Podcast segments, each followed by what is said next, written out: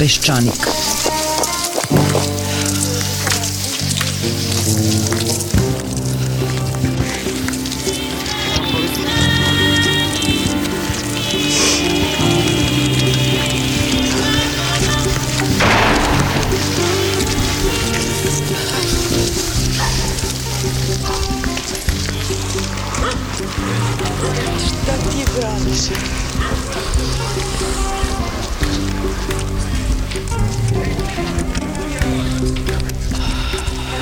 Peščanik.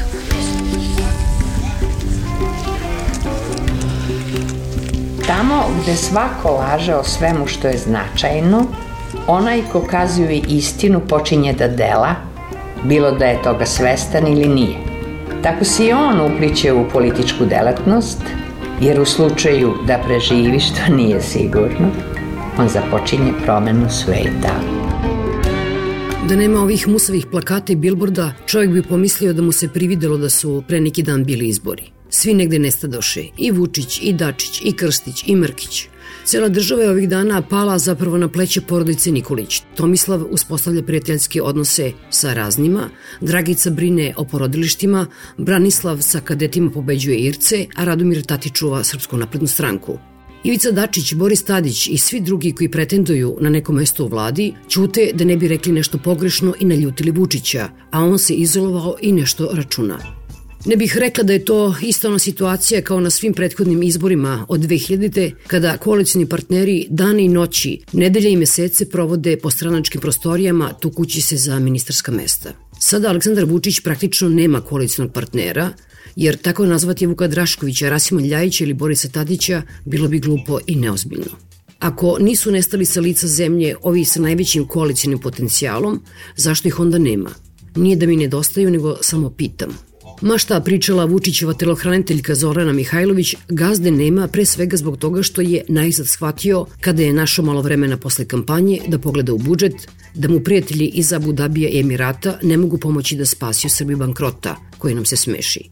Rupa u budžetu je toliko velika da bi mu prijateljske veze mogli pomoći samo ako bi nekako uspeo da šarmira svih 6000 članova saudijske kraljevske porodice fakt, pa ni tada, jer za zavođenje treba vremena, a mi vremena nemamo.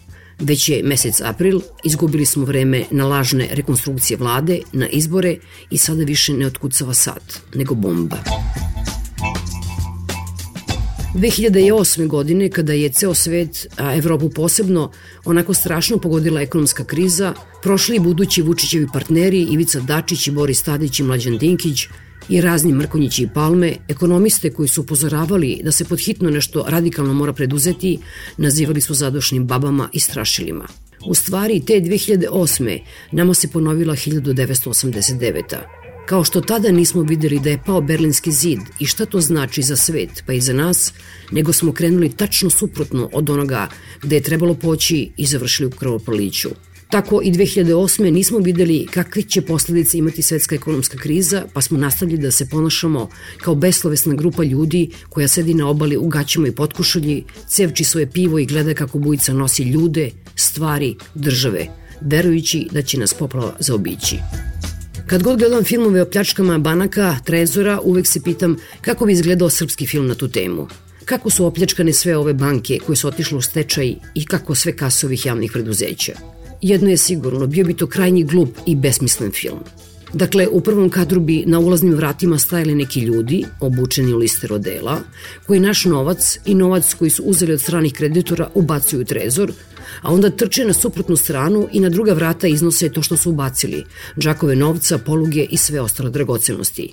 Onda neki odatle trče do rodnih sela, zakopavaju džakove u njivu, neki iznose na Kajmanska ostrava, neki u švajcarske banke, deo podele svojim pomoćnicima, delom podmite razne kontrolore, da li u vidu nezavisnih regulatornih tela, da li u vidu suda, policije ili medija, da ne pitaju mnogo zašto stalno trčite s jedne na drugu stranu banke. Aleksandar Vučić je jedno vreme mislio da će hapšenjem 5-6 miliona ljudi rešiti problem pljačke banke, ne vidići pritom da bi morao da uhapsi mnogi od onih koji hapse, a ne samo svoje političke protivnike. Uvideo je izgleda da to i dalje može mnogo da mu koristi, ali da time ne rešava problem rupe u budžetu, koju je i njegova vlast u ove dve godine ozbiljno proširivala i produbljavala. Stalno je zagrobnim glasom pričao kako to mora da se reši, kako će svom snagom da se baci na taj problem, kako tačno zna kojim putem treba ići. Da čita Kafku, a ne tabloide koje sam izmišlja i naravno Webera, shvatio bi da nema puta, postoji samo cilj i da je ono što se naziva put druga reč za kolebanje. Naš prvi današnji sagovornik je profesor Pavle Petrović, predsednik Fiskalnog saveta. Inače, sutra se navršava tačno dve godine od kako se profesor Petrović sa još dvojicom svojih kolega u Skupštini zakleo da će nezavisno ocenjivati i saopštavati šta misli o fiskalnoj i ukupnoj ekonomskoj politici države. Članovi Fiskalnog savita su često bili napadani od strane političara jer tobože pričaju ono što svaka baba zna, pričaju samo o štednji, ne misleći na žive ljude, građane, za kojima oni pocrkaše od ljubavi brige. Pre nekoliko dana je jedan od članova Fiskalnog saveta, Vladimir Vučković, rekao da se Srbija nalazi u predstečajnom stanju. Pitali smo profesora Petrovića da li se slaže sa tom zlostutnom ocenom, šta ona tačno znači, kako se do toga došlo i šta će se desiti i to veoma, veoma brzo ako se nešto zaista radikalno ne preduzme. Pavle Petrović. Državne financije u Srbiji su u lošem stanju i one se nalaze na neodrživoj putanji, što znači da je manjak državne kasi ogroman, posledica toga je brzi rast javnog duga, ako se ne napravi zaokret, to će značiti da uskoro nećemo moći to da pokrivamo zaduživanjem u inostranstvu, a onda bi to značilo haotično prilagođavanje, što znači naglo smanjenje tog manjka u državnoj kasi, Glavni izdaci su plate u, javnom sektoru i penzije, to bi onda značilo njihov drastičan pad, ali to onda se ni tu ne bi zaustavilo, jer onda se to haotično i drastično smanjivanje preliva i na privredu i onda bi privreda zbog manje potrošnje trpela i došlo bi do pada proizvodnje i još većeg rasta nezaposlenosti. Znači, ova neodrživo stanje u javnim financijama nije problem samo za državu, nego je, nego je širi problem. E sada, šta to konkretnije znači, to neodrživo stanje i, i ta neodrživa putanja? To znači da, da ćemo mi ove godine, ako se ne preduzmu značajne mere, imati ogromni manjak, ogromni deficit e, u budžetu, to je 8%, to je oko 2,5 milijarde, 2,5 milijarde evra. To je tri puta više od nekog deficita koji bi takođe bio visok, ali bi bio podnošljiv. Kad bi državu kao domaćinstvo shvatili, to bi značilo da domaćinstvo koje ima mesečno 50.000, svakog meseca troši 60.000 i tako stalno čini. To znači da mora da se zadužuje da bi se to pokrilo i očigledno da to ne može trajno da opstane. Dakle, kao posledica ovoga, ovih 2,5 milijarde evra deficita, mi ćemo imati da za toliko će dug neto da poraste, da se zadužimo dodatno, međutim to nije sve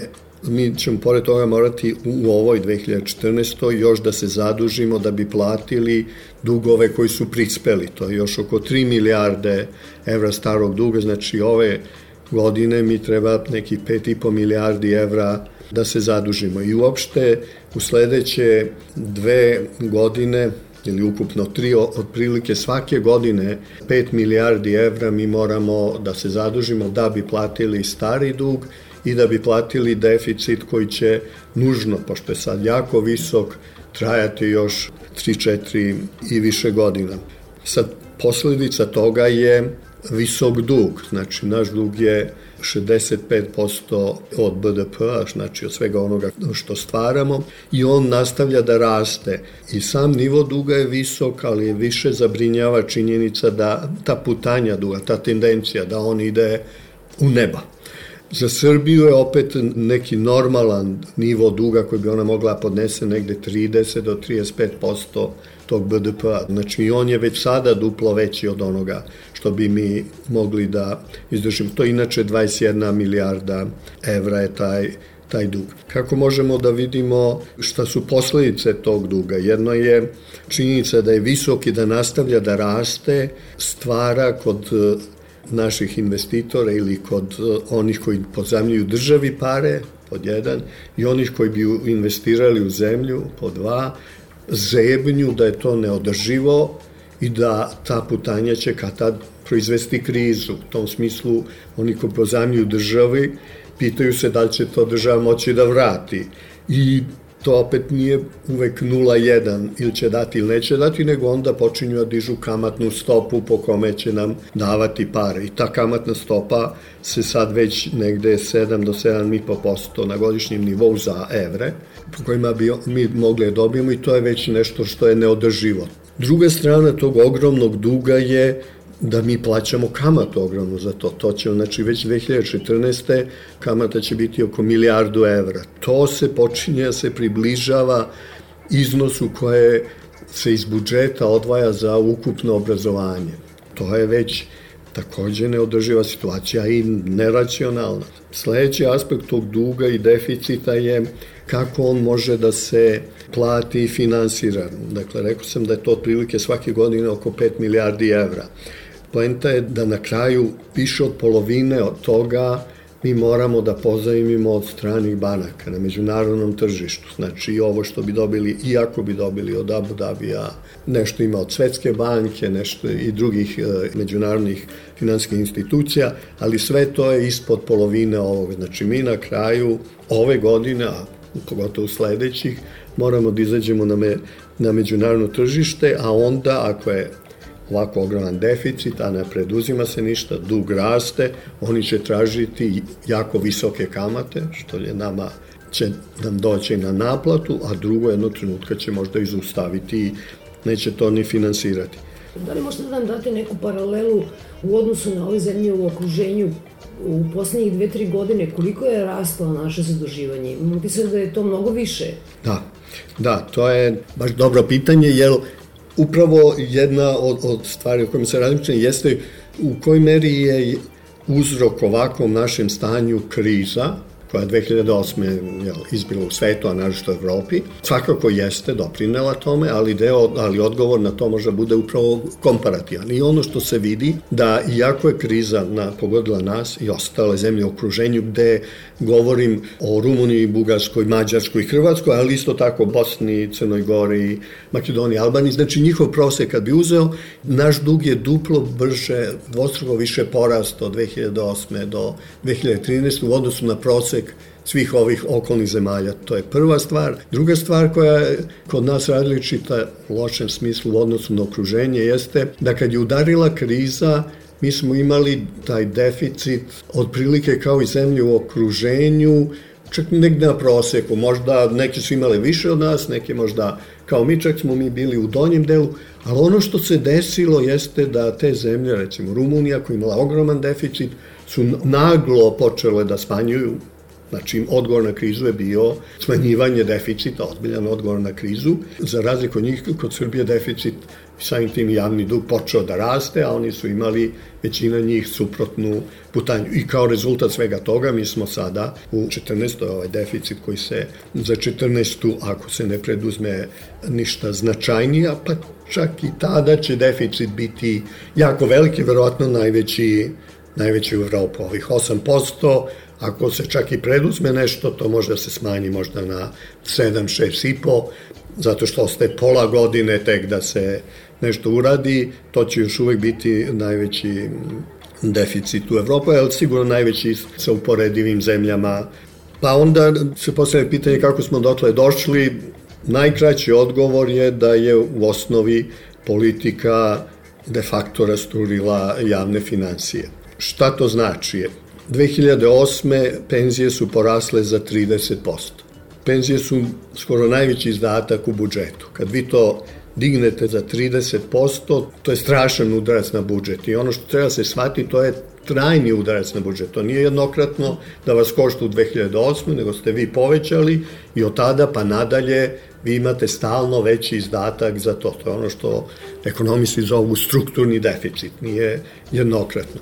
Ono što je isto interesantno da od tih 30%, 10% je povećano kada je kriza već udarila. To je bilo u oktobru 2008. godine i to je bilo kad se formirala nova vlada i tada je PUPS bukvalno ucenio vladu da mora da se povećaju penzije za 10% i one su povećane i rezultat toga mi, mi trpimo i sada. Znači, udeo penzija u BDP-u, znači u onome što sumi roba i usluga koje Srbija proizvede za godinu dana je oko 13%, a ono što je održivo bi bilo 10%. Znači, to je jedna strukturna neusklađenost, jedna trajna neusklađenost. Drugi udar je bio juna 2011. kada je 400 miliona evra iz prihoda iz republičkog budžeta prebačeno na, na lokalni nivo. To se zvala fiskalna decentralizacija. Iako je tada predstavljeno da to nije stvarni deficit, to jest da se to samo prebacuje, u stvari to je bila nova rupa, jer vi ste uzeli 400 miliona evra prihoda od Republike, dali lokalu, lokal je tih 400 miliona evra uzo i potrošio, a Republika nije imala dodatni 400 miliona evra da finansira. Ona je morala da bi bilo neutralno za toliko da smanji svoje rashode na nivou na centralnom nivou. To nije učinjeno i ponovo to je bila politička ucena URSA tada u junu 2011 tada smo mi tek bili formirani, fiskalni savjet, mi smo reagovali na to, ali, ali je i monetarni fond vrlo žestoko na to reagovao i, i to je prosto bilo prebrisano. Bukvalno je bila ucena da će srušiti vladu i, i tako dalje.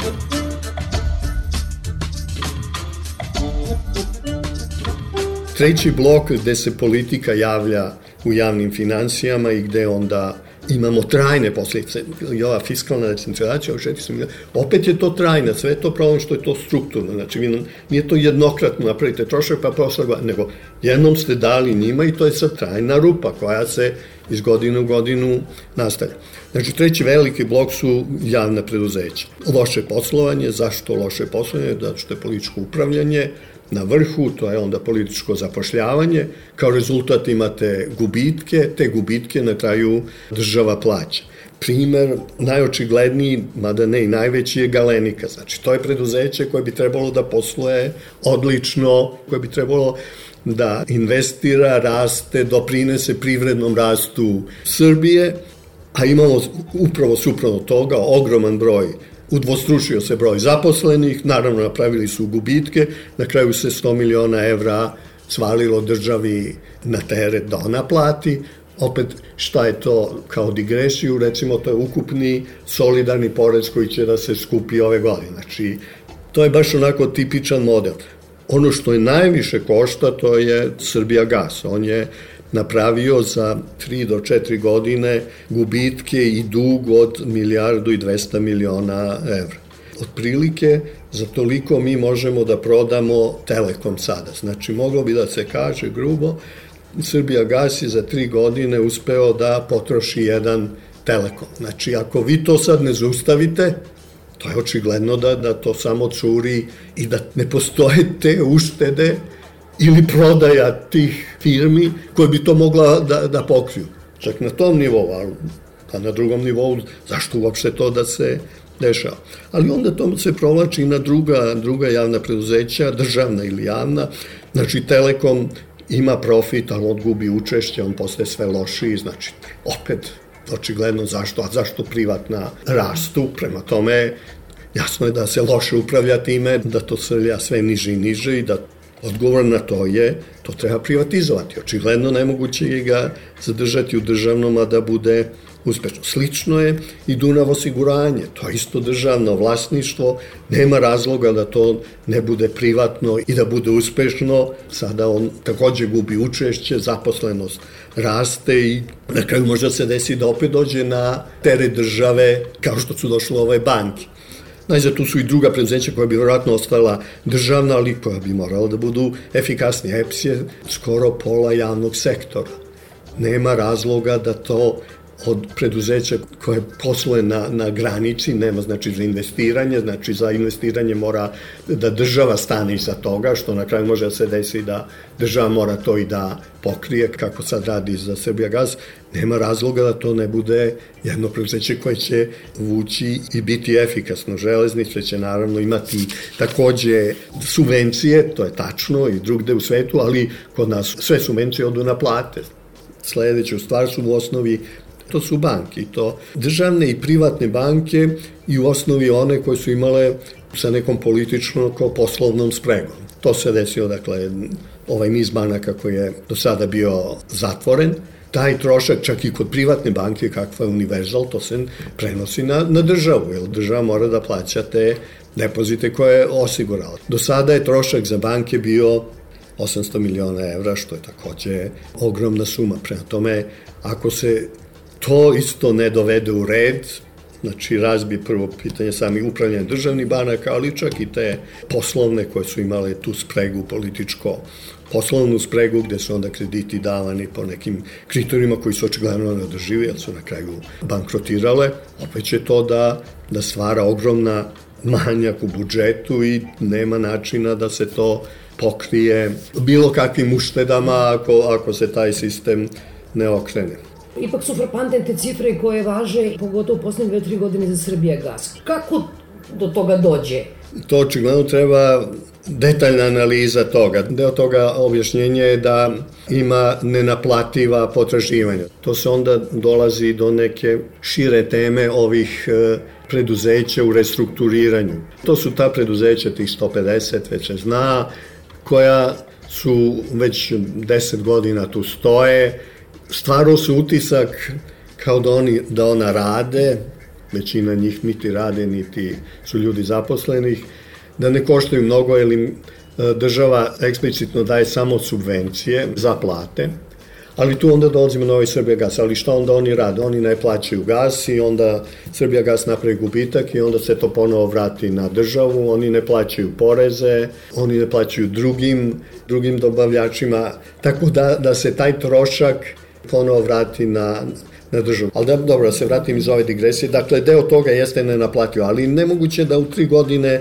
odjednom se 1,2 milijarde i da je kriza i da oni sad ne mogu da plate, prosto tu treba videti, to je očigledno zahteva detaljnu, detaljnu analizu od dobro, naplativosti s jedne strane, cene koja izgleda sada prodajna koja je u redu, ali onda i celo funkcionisanje tog Srbija gasa, da se vidi tačno šta je i najzad pod kojim uslovima mi taj gaz plaćamo Rusiju. Znači, ceo, očigledno je da je to veličina problema tako velika da tu stvarno duboko mora da se zaore. Čitala sam da ministar Krstića ili, ne znam, premijera Dačića, bivšeg, koji kad se pomene Srbije gas ili nešto od tih javnih preduzeća, pa šta hoćete da se ljudi smrzavaju, pa šta hoćete da kako će vole da se izražavaju da pacijent umre, da, da ga mi lečimo. Da, zato što se baš ovo, hoćete li da se smržavamo, to je upravo bilo zato što ne preduzima se ništa i dolazimo pred svršen čin.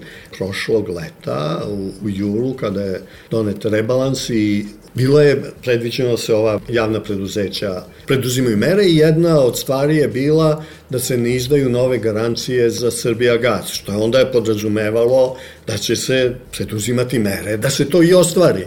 Ništa se nije uradilo, naravno u novembru je onda opet postavljeno to pitanje hoćete li da se smršavate ili nećete, onda su date nove garancije, novih 200 miliona evra da bi prošli u ovu grejnu sezonu. I sada u budžetu nije ništa planirano za Srbija gaza sledeću sezonu. Prema tome, ako se ništa ne preduzme, onda će opet negde u septembru se tražiti novih 200 miliona evra s istim argumentom hoćete li se smrzati. A to bi bilo, sad se vrati na sam početak, to bi bilo preko onih 2,5 milijarde deficita koje mi već imamo. I zašto je to neodrživo i nemoguće?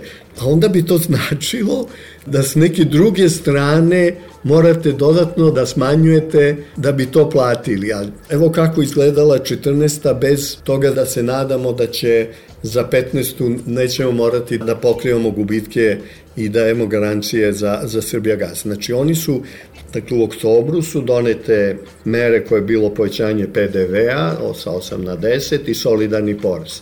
To je upravo ono što treba pokrije ono što je već izdato za Srbija gas. Ili kad saberete ove dve stvari, to je 250 miliona evra, a Srbija gas, Privredna banka Beograd, to je zajedno 250, Universal banka još 80, to je znači 330, znači samo ova lista Srbija gas, Privredna banka, Universal su više nego pojeli bolne mere iz oktobra meseca. E pa sada ako vi ovu drugu stranu, znači nek banke ne dovedete u red, javna preduzeća sa svojim gubicima, znači Srbija gasio, ne dovedete u red, to bi onda značilo da vi i sledeće godine ponovo, znači ne sad ovo ostaje sve, jel?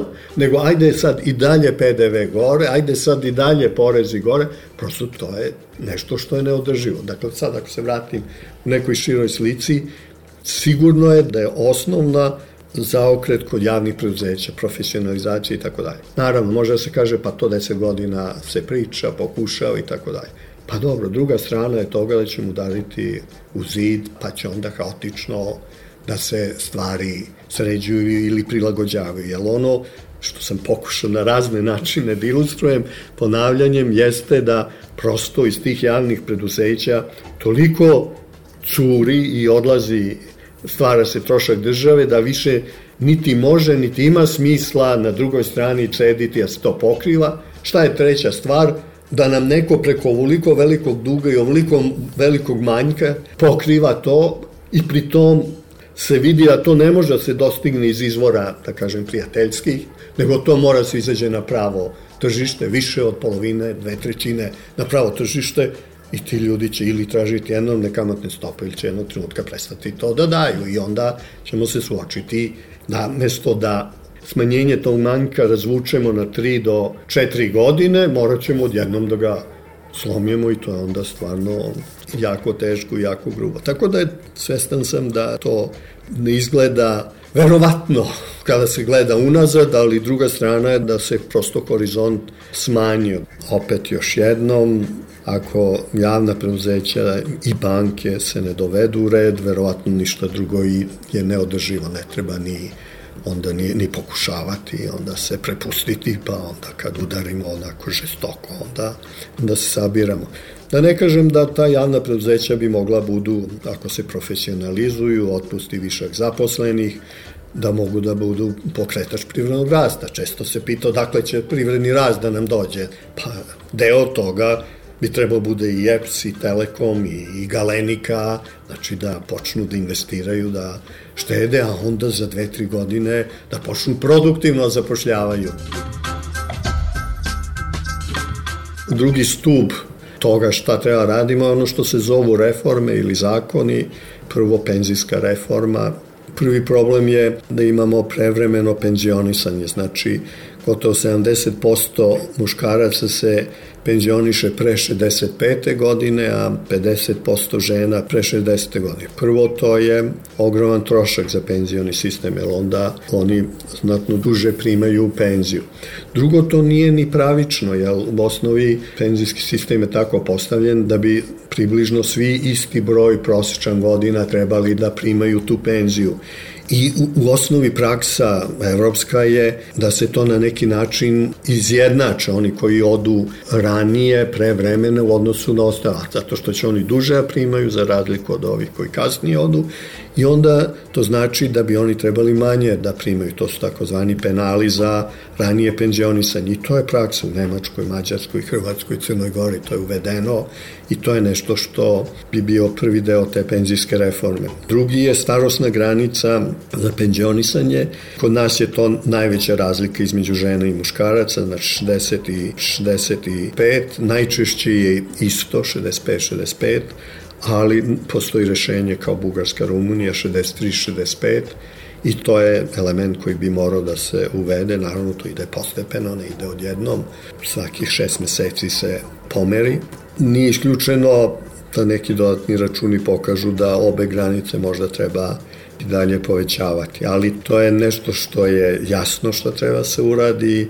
I sad ono što je verovatno ste čuli kao primjedbu ili kao pitanje na to je kako u zemlji koja ima takvu stopu nezaposlenosti i to pogotovo među mlađim ljudima, još produžavati radni vek. Da, da, ali ono što se izgleda prvi je zato što prosto neodrživo je ovaj sistem. Već zbog toga moramo, bez obzira ako bi imali ovaj negativan efekt. Ali drugo je nisključeno da u stvari dobar deo koji ode ranije u penziju nastavi da radi na razne druge načine, po ugovoru, čak i neformalno i tako dalje. Tako da nije tačno baš sa svim da oni oslobode radna mesta gde bi mladi došli. Govorim naravno prvenstveno o, o privatnom sektoru. zato što u javnom sektoru, državnom, gde bi oni otišli pa možda slobodili glavno mesto, postoji višak zaposleno. Tako da je već sada uvedeno da se skoro mali broj ljudi zameni od onih koji su otišli u penziju u državnoj upravi i tom javnom sektoru. Tako da ne mislim da je to dobitak neki sa te strane za mlade.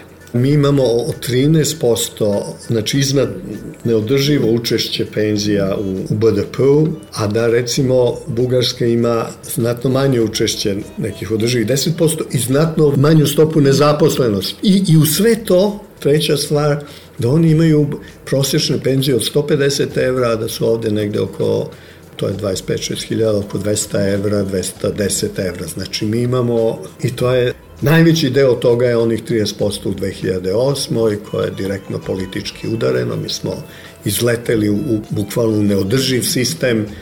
Naravno, jasno je da su penzije male i plate su male, ali malo i, i pravimo.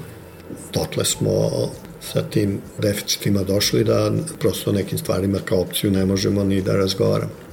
Dakle, govorimo sada o tim reformama. Jedno je penzijska reforma, drugo bi bila reforma plata i zapošljavanja u javnom sektoru. Veliki problem je i na tome se radi i tu Svetska banka pomaže i nadam se da će uskoro biti predloženo rešenje za ovaj sistem plata. To je potpuno je narušen u administraciji, između pojedinih delova administracije, to je prosto haotično, jer su neki bonusi, kako su bili opet je deo priča politička, kako ko je bio snažniji, imao veće pritiske, on je moglo da, da se izbori za koeficijente, bonuse i tako dalje, da, da to je posto sistem potpuno neracionalan i, i nepravedan, tako da bi to trebalo se urediti, taj sistem plata, ali vezano sa tim je drugi blok toga je broj zaposlenih u tom javnom sektoru sada govorimo o državnoj upravi, administraciji, policija, vojska, ali i školstvo, zdravstvo. Ali ono što je sledeće dve, tri godine i što je suštinski, da se napravi analiza i to nije pravljeno koliko je su stvarno viškovi zaposlenih. Sad postoje neke indikacije da je to pre svega u lokalnoj samoupravi, da je to delom u zdravstvu, pre svega nemedicinsko osoblje i u školstvu ono što se dešavalo, broj nastavnika raste, broj dece opada, izgleda da je to u tim ruralnim sredinama znatno veći broj nego što treba, ali da, to su sad neke indikacije. Ono što mora da se uradi i to je opet zahteva neko vreme, znači da se napravi analiza toga i onda da se napravi plan kako bi se to dovodilo u red. Zato što prethodne iskustva su uvek bila ajde problem je, naraslo je, ajmo sad reži, pa onda ne znam, 10%, a rezultat tih kratkoročnih akcija uvek je bio više negativan nego pozitivan. Najbolji ljudi vam odu koji mogu da nađu na mesto na drugom mestu, da se zaposle te otpremnine, ovi koji ne vrede baš toliko ostanu, onda na kraju vidite ne možete s njima radite, onda dođe novi izbor i novi talas partijskog zapošljavanja i tako da. To nije pravo rešenje.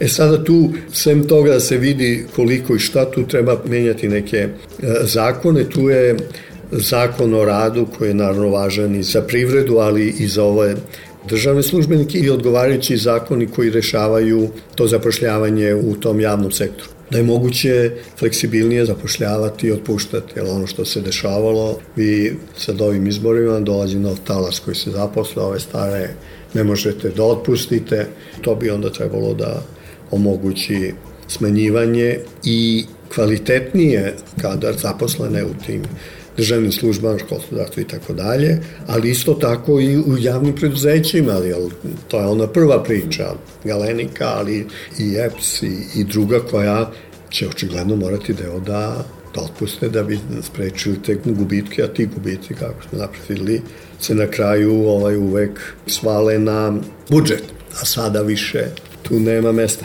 Dakle, ovo bi bila dva fundamenta, znači javna preuzeća, to bi trebalo gledati, da li se tu šta menja, ako se ne menja, prosto je jasno da je to neodrživo. Penzijska reforma i zakon kako treba se donese potpuno jasan, prema tome samo je pitanje da li će u sledećih 4-5 meseci se to doneti ili neće se doneti. Nema tu više šta se analizira, pitanje samo političke volje da se to uradi, a to je onda signal da li se stavljaju temelji za nešto što je održivo na srednji rok. E sad, i kad sve to uradimo, rezultati će stići za jedno dve i tri godine, a mi treba da preživimo 14. i 15. sa manjkom od 2,5 milijarde, pa onda sledeće godine nekim manjim, ali opet da bi to preživjeli neko treba da nam to pozajmi, znači, a da bi se sve to desilo, mi moramo pored ovoga da počnemo da smanjujemo taj već i ove godine deficit, a onda i iduće.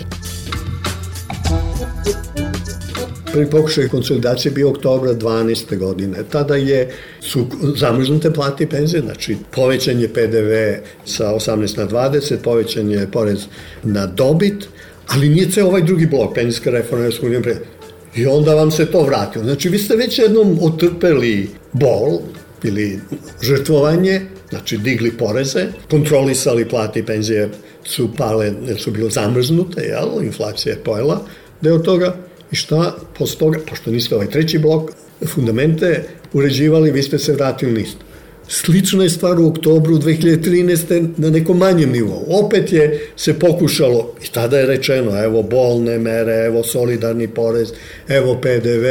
Kad to pogledate, odjednom je to, kao što sam rekao, to je zajedno bilo 250 miliona evra, a Srbija Gas, Privredna banka, Universal banka je 330 miliona evra. Samo su to obrisali. I šta se uradilo? Nekoliko puta ste vi doveli stanovništvo u priliku da štedi, ali to je otletilo na drugu stranu.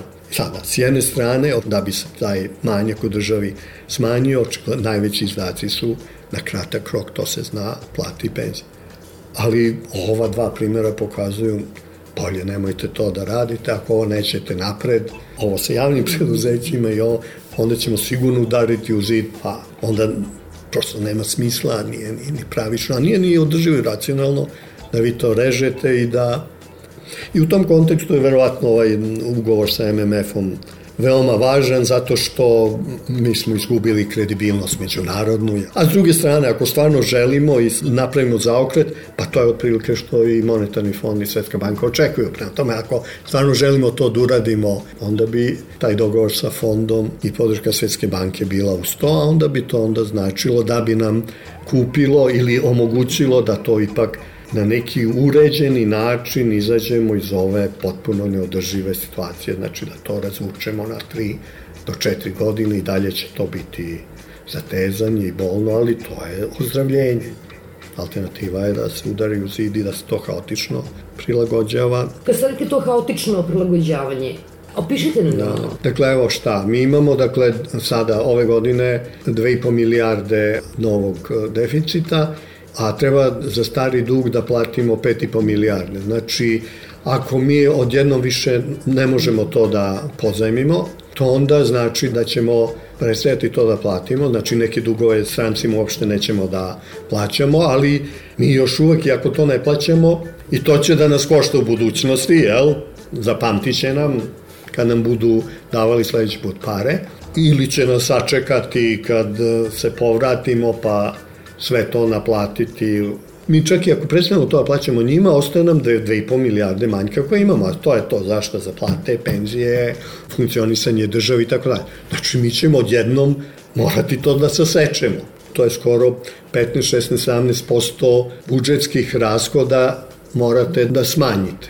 Koje su najveće stavke? Plate, penzije, nekom funkcionisanju države Umesto to da postepeno smanjujete ovo, morat ćete da smanjite odjednom, onda će to da se prevali na privredu, jer će naglo se smanjiti potrošnja, privreda će prestati da funkcioniše, pa dobro, to je ovo kriza javnog duga, to znači pad proizvoda, mi smo sada, sad osjećamo da smo u krizi zato što smo negde oko nule, BDP de facto ne raste, nezaposlenost je velika i konstantna, a ovo bi značilo bilo dodatni pad dole. Sad kako bi bio taj mehanizam ili bi opet država smanjila odmah ili bi potpuno se istrgla kontroli, što znači da se smanjuje kroz inflaciju, kroz veliki rast kursa i da vam kroz inflaciju pojede i plate i penzije i sve to da se nasilno, brzo potrošnja smanji u okvir koji vi možete da platite. A najčešće se to dešava kroz neku nekontrolisanu inflaciju i, i kurs gde vam onda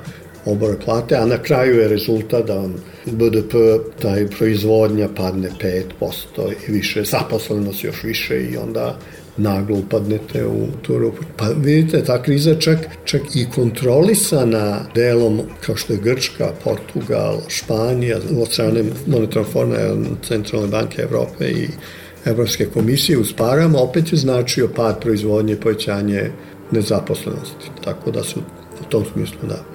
Govorimo o drami već, to je već drama. Pa jeste, jeste, tačno.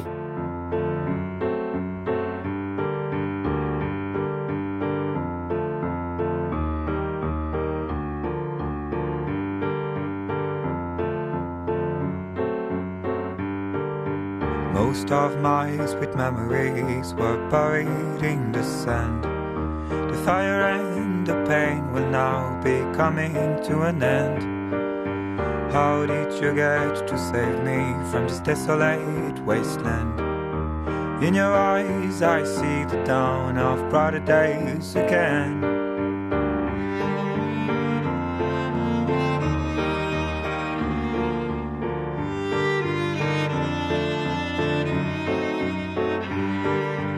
With my tears you washed away the mud stuck on my hands all these things are trying to do make me a better man. Now I remember the joy and the taste of candy cane. The innocence of youth and the sound of major scales. Most of what I used to be had vanished in the waves the memories of the boy I've been were drowning and you saved them. Now I remember the joy and the meaning of the fate.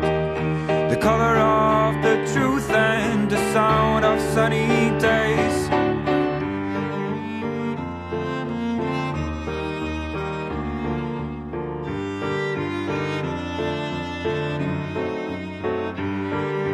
Most of my sweet memories were buried in the sand. The fire and the pain will now be coming to an end. How did you get to save me from this desolate wasteland? In your eyes, I see the town of brighter days again.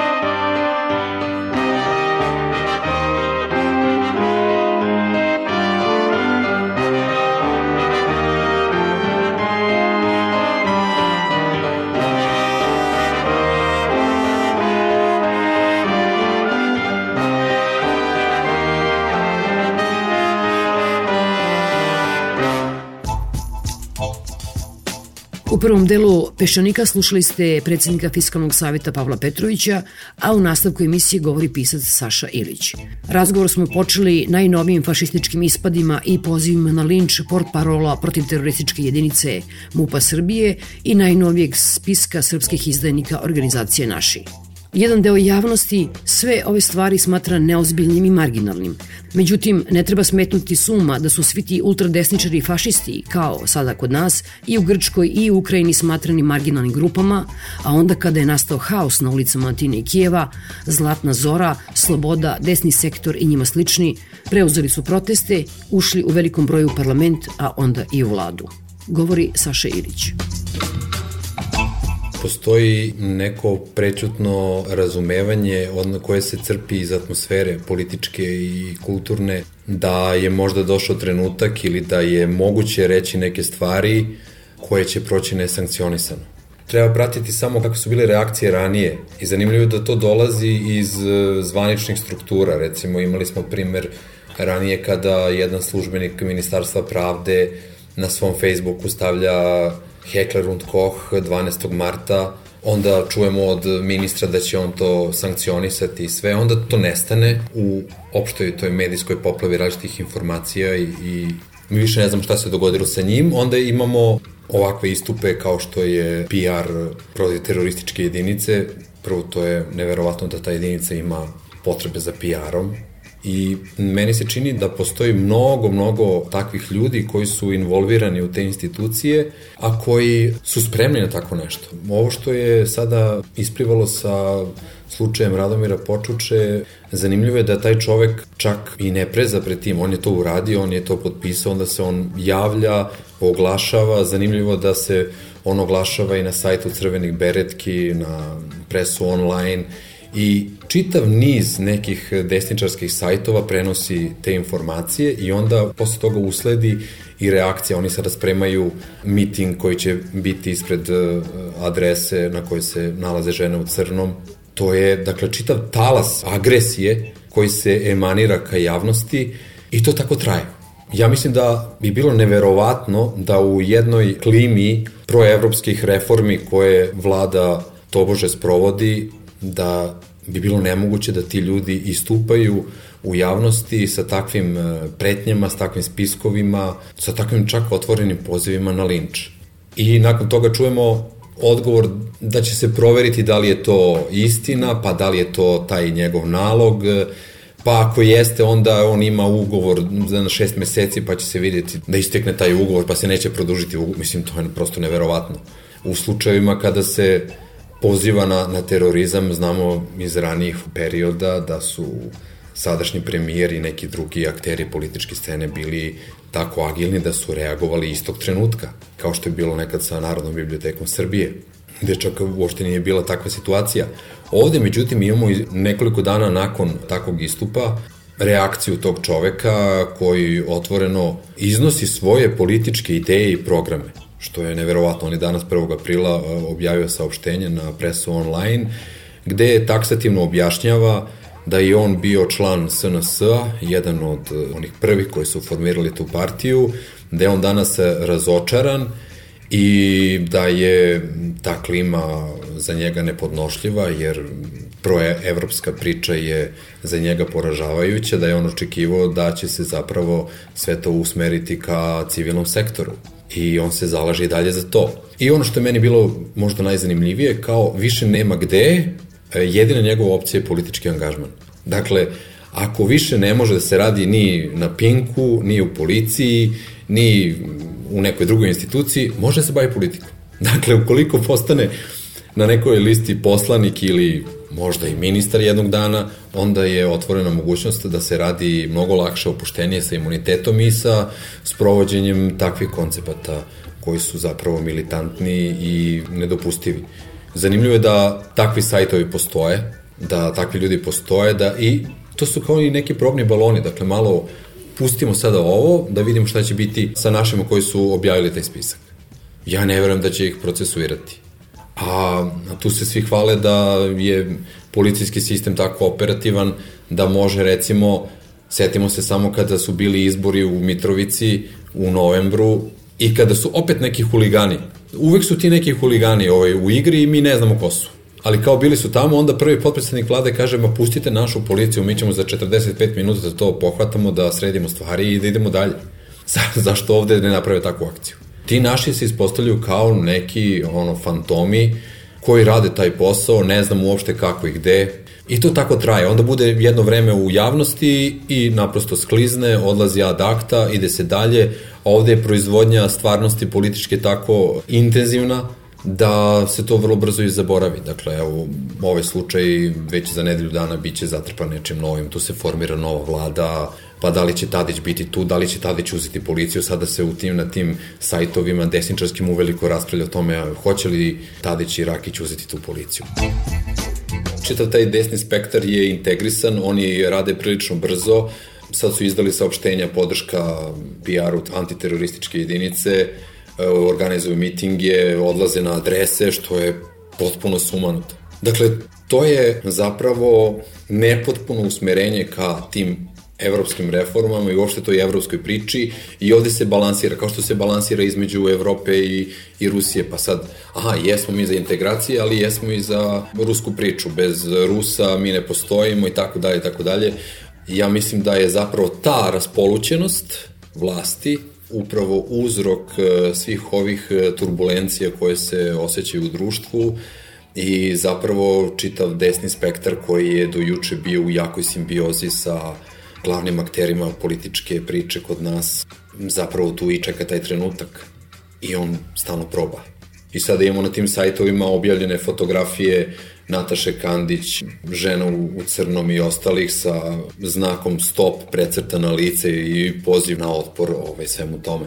I to traje i kad pogledamo unazad uvek vidimo da su ti huligani korišćeni kao neki korektiv društveni, bilo da je u pitanju Pride ili neke druge akcije, možda izložbe, uvek su tu da urade taj posao.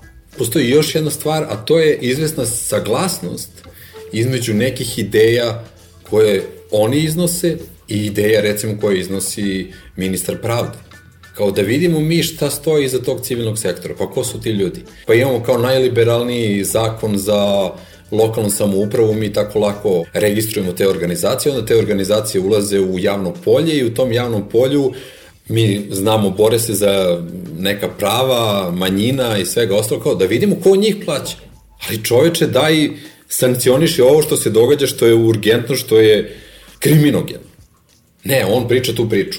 Ovaj čovek iz PR specijalne jedinice, on kaže, otvoreno, ja sam za uvođenje zakona o nevladinim organizacijama, dakle čitavog tog ruskog putinovskog koncepta protiv LGBT-a i svega ostalog i čekam jednog čoveka.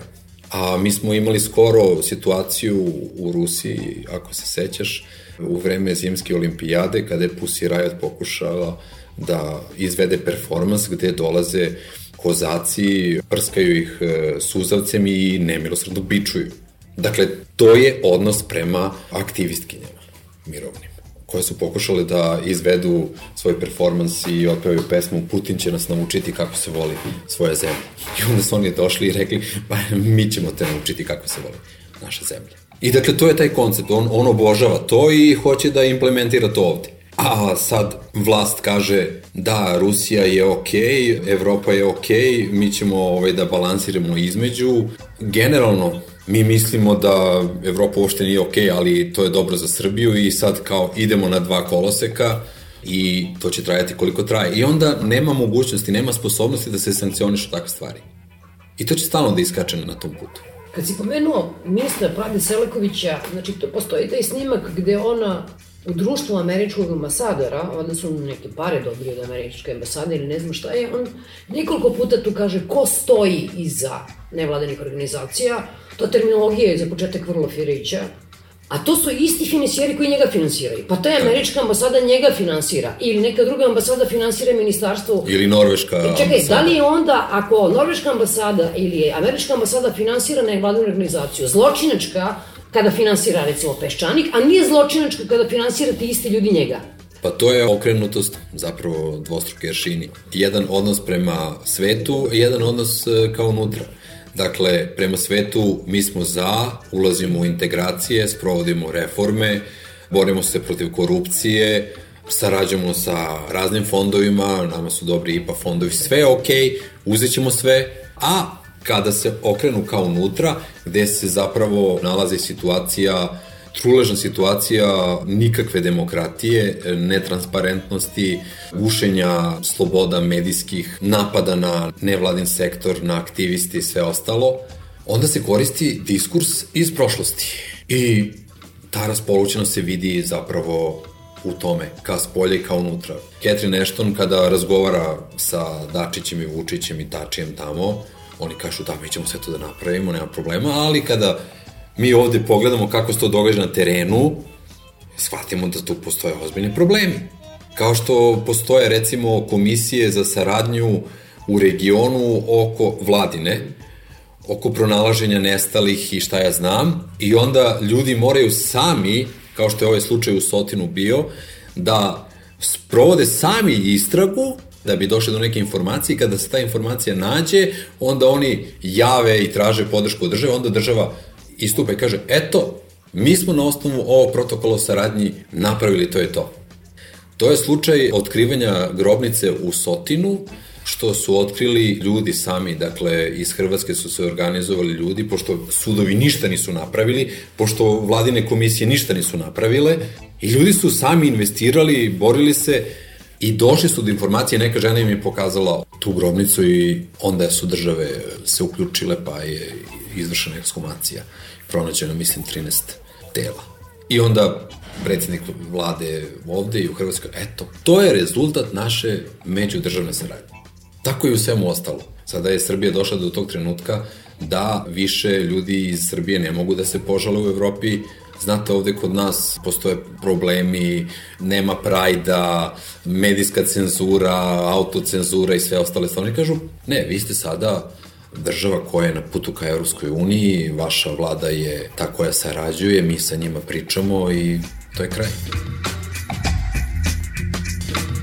Imamo situaciju da kada ljudi iz kulture žele da sarađuju, kao što je primer sa Mikijem Manojlovićem koji je odlučio nakon prošlogodišnjeg krokodila da sa Čendrom Multimedijom iz Prištine napravi predstavu Rome i Julija. Dakle, jedna simbolična priča o, o zaraćenosti ove, dveju strana. Mi imamo, dakle, situaciju da politika kao centralno vladino glasilo izvrši napad na tog čoveka. Pa je to normalna situacija? U tom tekstu se iznesu takve gadosti i takve gluposti da... A zapravo, kada bi malo bolje pogledali kako to funkcioniše, shvatili bi da su to grupe ljudi koje su samo inicijativno krenule da traže neke ljude sa kojima bi mogli nešto da rade, kao što smo mi radili sa, recimo, Čendrom Multimedijom i napravili smo te antologije savremene kosovske književnosti i obrnuto i to se prevelo na albanski i na srpski i ja sam to nešto istraživo, to su prvi potezi posle 40 godina sa tako nekim integralnim prevodima i uvidima u susednu scenu. Krokodil je recimo kao festival počeo da sarađuje opet sa Čendrom, pa su gostovali u Južnoj Mitrovici, pa se tu nešto dogodilo, onda se Miki Manolović sreo sa Petrovcijem i odatle se nešto rađa. Ali kao, da li može to da se desi u Severnoj Mitrovici? Zašto ne može da se desi? Pa zato što bi huligani o kojima smo pričali došli sa motkama da ih prebiju. Kada će u stvari taj diskurs koji se upotrebljava u samom Briselu između Tačija, Eštonove i Vučića, kada će početi da ima veze sa životom. Tačno. Dakle, ne može prvi potpredsjednik vlade da kaže, a to, o tome se nisam ovaj, dogovarao sa Albancima, to se njih ne tiče, kao to je. To kaže nama ovde. Tamo se dogovarao sa Tačijem, dakle, ne možeš tako govoriti dogovarali ste se i onda to mora da se sprovodi u delu. I ne može u politici da se pojavljuje takav tekst. Kao ajmo da bijemo Mikija Manojlovića zato što je odlučio da igra u Romeo i Juliji u Prištini. Mislim, to je potpuno neverovatno. A to je na pola koraka do da se pojavi na spisku naših, kao kod Miru Karanović, zato što je igrala muslimanku u filmu. To je neoprostivo. Ne zanima ih zapravo o čemu se radi u filmu. To ih ne interesuje. Ali Mirjana Karanović je igrala muslimanku i to je kraj, dakle to je prosto kao crvena marama i to ne želimo da čujemo i to ostavlja trag, ali to neko nosi. Dakle, Mirjana Karanović nosi taj teret, kao što će Miki Manojlović nositi teret Rome i Julije u Prištini. Šta se dešava paralelno sa tim? Paralelno sa tim se dešava ovo o čemu su ljudi pisani kod nas na sajtu Piščanika, da Ministarstvo prosvete koristi dan početka bombardovanja da plasira deci tekst koji je napisao Vulin i njegovo ministarstvo, Tako. koje jednostavno poništava svaki napor za normalizaciju između dve države ili ako neće da pa dve države između dva... funkcionisanje, postavljanje Vulin na tom mestu u trenutku kada ti potpisuješ briselski sporazum je oksimoron. I onda čitava politika koja se vodi je oksimoronska. Ja se dogovorim u Briselu sa Catherine Ashton da ćemo sprovesti to, to i to, a Vulin ode i kaže tamo ovo je sveta srpska zemlja, ovo je srpska duša i tako dalje i vrši intervencije u, u obrazovni sistem Srbije i toj deci od prvog razreda do četvrte godine srednje škole plasira neke stvari i zapravo edukuje mlade ljude da postanu sutradan neke radikalne huliganske formacije. I to on radi sa ministrom prosvete. I niko ništa.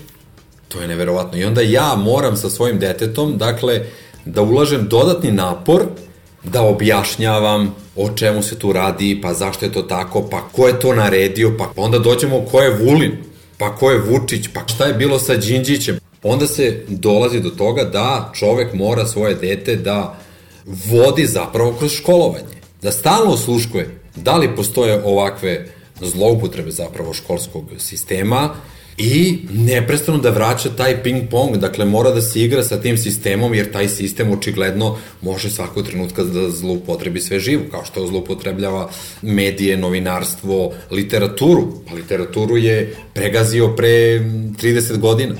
I čovek onda mora, dakle, da to dete usmerava i da mu kaže da, Branko Ćopić je ovo, ovo je nešto drugo, da bude obazriv, da neprestano osluškuje i balansira da bi to dete moglo da izađe neoštećeno tim nesrećnim obrazovnim sistemom. Ali kao, hajde, to nam se događalo krajem 80-ih, pa 90-ih, pa 2000-ih, pa 2014. Dakle, tome se ne vidi kraj. E sad se formira nova vlada. Pitanje je, hoće li Vulin ostati na mestu ministra za Kosovo i Metohiju? Vrlo verovatno je da hoće. Zato što je on bio na listi Srpske napredne stranke, kada bi postala neka iskrena želja da se rešava to pitanje Kosova i implementacije briselskog sporazuma, onda bi se tamo stavio neki normalniji čovek. Ali ovo je katastrofa. I onda se vidi da postoji i taj nesmetani protok Vulinovskih ideja kroz čitavu vladu. Dakle, on može da uleti u ministarstvo obrazovanja, može da uđe u ministarstvo kulture ili bilo gde drugo. To je ono što je vrlo opasno tu nisu besmislene kritike ovaj, na račun uh, rada ove vlade. Ok, potpisali ste briselski sporazum, pa jel treba da vam tapšemo 100 godina? Prošle godine je bilo obeležavanje Milanskog edikta, ove godine je taj prvi svetski rad.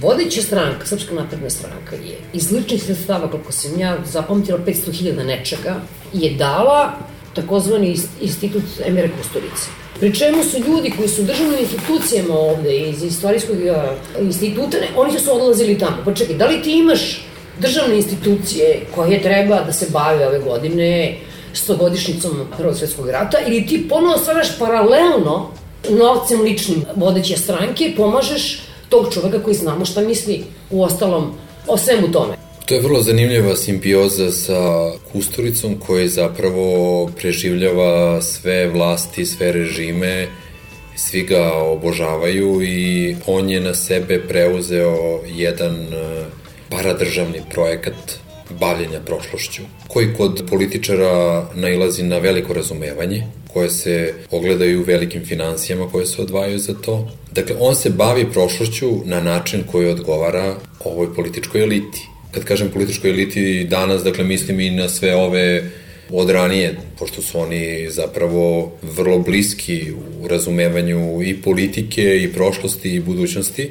I Emir Kusturica fantastično funkcioniše u, u tim vodama. On se ove godine bavi zapravo tom stogodišnjicom početka Prvog svetskog rata, bavi se odbranom uh, srpske istine, bavi se celom pričom oko atentata na Franca Ferdinanda. To se radi preko multimedijalnih projekata, organizuje se konferencija tamo, naravno većina naučnika tih vrlo rado odlazi u taj institut, pa ovde ima toliko instituta, ima toliko ozbiljnih ljudi koji nešto rade. I ovi ljudi iz vlasti nikome nije palo na pamet da pozove neko i da kaže, slušajte, mi hoćemo da obeležimo ovo Ili imamo mi kapacitete da to uradimo ovde kod nas? Ovi kažu, pa ne znam, imamo ili nemamo. I onda mogu da se dogovore o nečem. Ne. Kusturica iz Andrićgrada, iz, iz Paragrada faktički, to je jedna paraformacija, on monopolizuje to pravo na prošlost. I onda direktna linija se uspostavlja između njega i vlasti i onda oni zajedno rade na toj prošlosti. Razumeli su mi čak i ovi koji daju pare, to je njihova šoljačaja, ali mi ja ne mogu da razumem te istoričare koji odlaze na noge, odlaze u Andrić grad, iz svojih instituta, sa svojih fakulteta, da nose kao pismo i da ga otkrivaju tamo. Da. Mislim, kako ponižavaju sobstvenu profesiju, sobstvene institute, sobstvene fakultete, to meni nestaje u glavu. Tu čovek ovaj, ostaje zbunjen, da li to rade zbog eh, nekih eh, honorara koje će dobiti, Ili zaista misle da je to fantastična platforma da se bave prošlošću, a očigledno da za njih jeste. I mi smo u zabludi kada mislimo da će ti ljudi reći, pa čekajte ljudi, to je neozbiljno. To daje legitimitet celoj stvari. Ukoliko toga ne bi bilo, pa šta, sedeo bi Kusturica tamo sam sa Dodikom, pa bi objašnjavao šta se radi i šta se događalo. Eto, prošli je Milanski edikt, izveli su predstavu koja je koštala toliko, smejali su nam se u lice ovaj, razni ti funkcioneri koji su vodili te projekte basnoslovne i to sve prolazi. Dakle, možete kritikovati koliko hoćete, to jednostavno ide i Kusturični paragrad ide.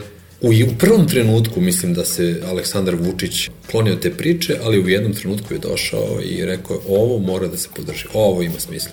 I festival na Mokroj gori i Andrić grad, a mislim da je Andrić grad e, toliko problematična stvar, upravo zbog nedavne prošlosti, da bi tu trebalo ili rasformirati ili organizovati zaista neke svetske konferencije o toj prošlosti, o svemu što se događalo u Bosni, u istočnoj Bosni, u tom Višegradu, na mostu, na obali Drine.